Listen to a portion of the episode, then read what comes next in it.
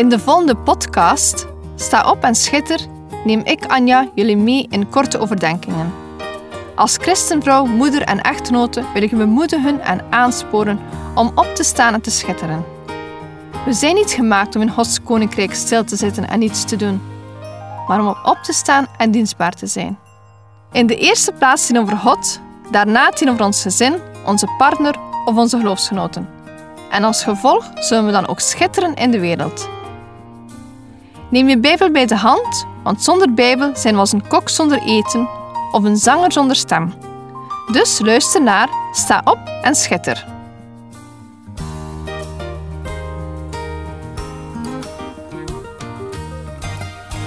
Bij de start van het nieuwe schooljaar werd er in onze kerk stilgestaan bij de kinderen. Alle zondagschoolklasjes werden één voor één naar voren geroepen en er werd voor hen gebeden. Het was zo mooi om te zien, al die kinderen, onze toekomst. Of nee, ik bedoel ons heden. Want als er geen kinderen meer zouden zijn, dan zou de kerk verdwijnen. Het is zo fijn dat er nog steeds jonge koppels bewust kiezen om hun kinderen christelijk op te voeden. Naast het bidden voor de zondagsschool waren die dag ook drie kindjes die werden opgedragen. Drie jongens van enkele maanden oud. Opdragen is een teken van de ouders naar God en de kerk toe dat ze bewust kiezen om hun kind christelijk op te voeden. Het is een gebruik uit het Oude Testament. Bij de Joden was het in die tijd gebruikelijk om kinderen veertig dagen na de geboorte naar de tempel te brengen.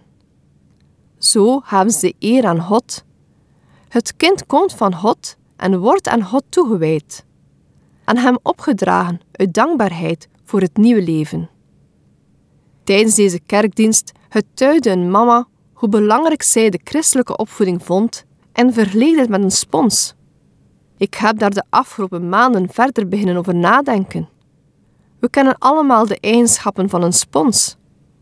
De allerbelangrijkste eigenschap van een spons is toch wel de grote absorptie. Het neemt water of een andere vloeistof op als geen ander. Het water zit als het ware gevangen in de spons totdat het weer uit de spons wordt geknepen. Dit is echt wel een mooi beeld. Kinderen zijn als een grote spons en zuigen alles op wat rond hen is. Zo leren ze ook spreken en lopen.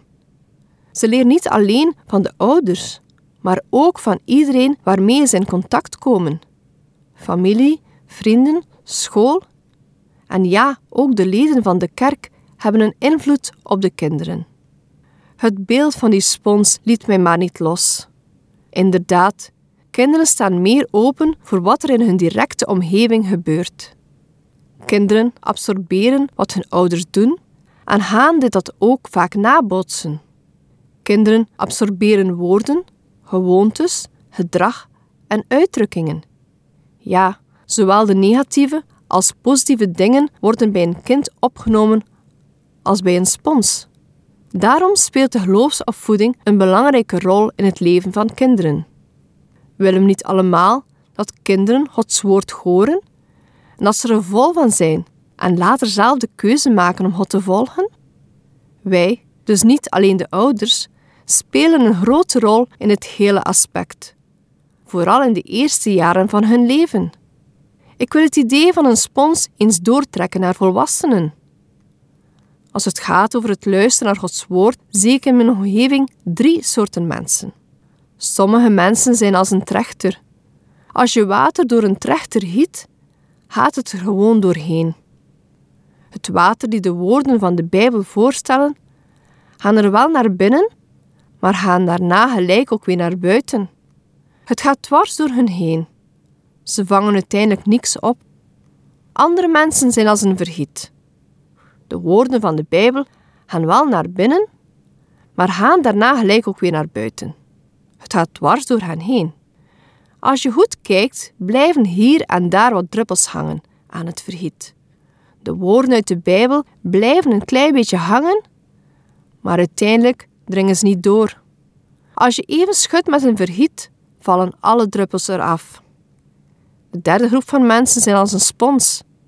Een spons wil maar één ding: namelijk zoveel mogelijk water opnemen. Luister naar Gods woorden en alles in zich opnemen. Deze drie groepen van mensen vinden we ook terug in Matthäus 13, versen 1 tot en met 9, waar staat: Op die dag verliet Jezus het huis en ging bij de zee zitten.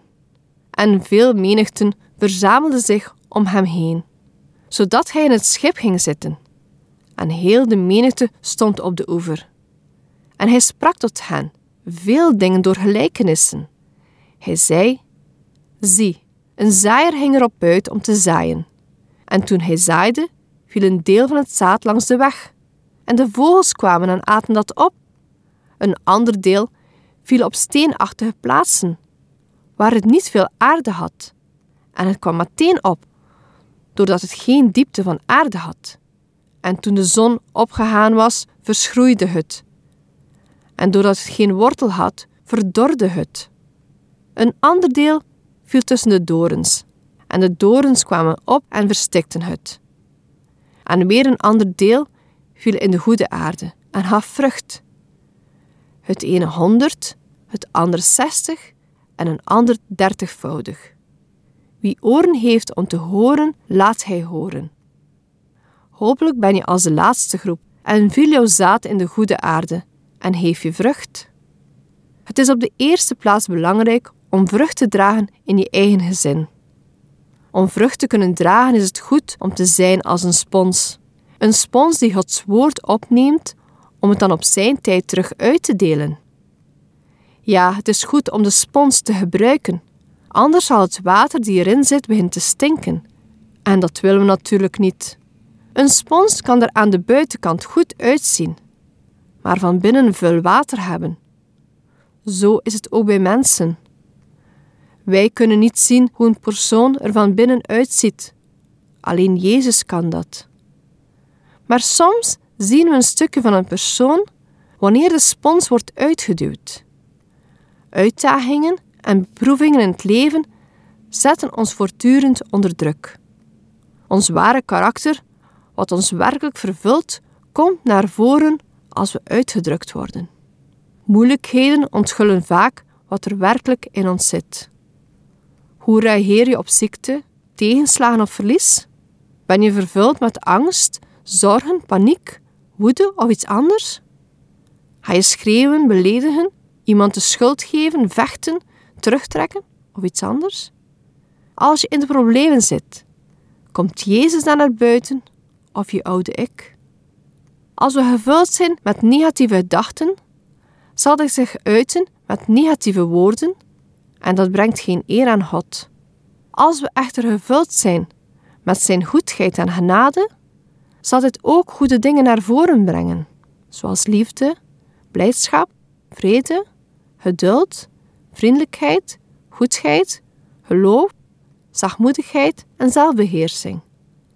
Inderdaad, dat is de vrucht van de geest die naar voren komt uit Galaten 5, vers 22. Het leven is niet altijd roze geur en maneschijn. De Bijbel spreekt over moeilijkheden en Jezus zelf vertelt ons dat we in het leven verdrukkingen zullen hebben, omwille van ons geloof. Maar heeft ons ook hoop. In Johannes 16, vers 33 staat er: Deze dingen heb ik tot u gesproken, omdat u in mij vrede zult hebben.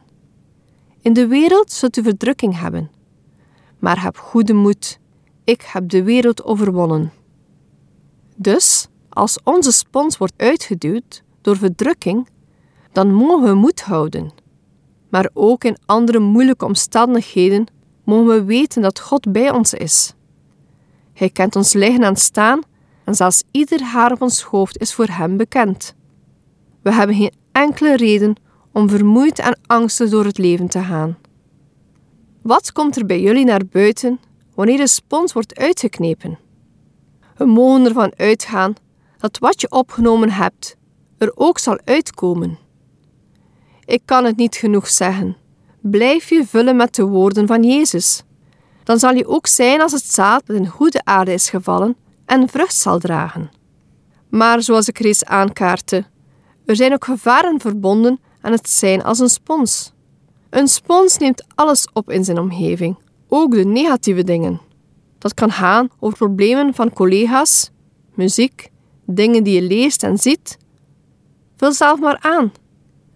De vele negatieve prikkels in je omgeving kunnen ervoor zorgen dat je spons zo vol zit met vuil water dat je een gevoel krijgt van onmacht, verdriet, boosheid of onvrede. Vul je spons met het water van Jezus. We kunnen er in het leven niet van uit om negatieve dingen binnen te krijgen, maar we kunnen er wel bewust mee omgaan en kiezen voor de juiste vriendschappen, hobby's, boeken en muziek. Als je spons gevuld is met de juiste dingen, zal je ook vragen kunnen beantwoorden van de ongelovigen. Zal je de wijsheid hebben om in iedere omstandigheid recht te blijven staan. Vul iedere dag je spons met het levende water van Jezus. Dan zal je kunnen opstaan en schitteren. Deze podcast kun je steeds opnieuw beluisteren via de website en app van twr.be. Als je deze aflevering leuk vond en je wilt de podcast helpen ondersteunen, deel hem dan met anderen. Heb je gebed nodig of wil je reageren op deze uitzending? Zend dan gerust een mailtje naar anja.twr.be. Bedankt voor het luisteren.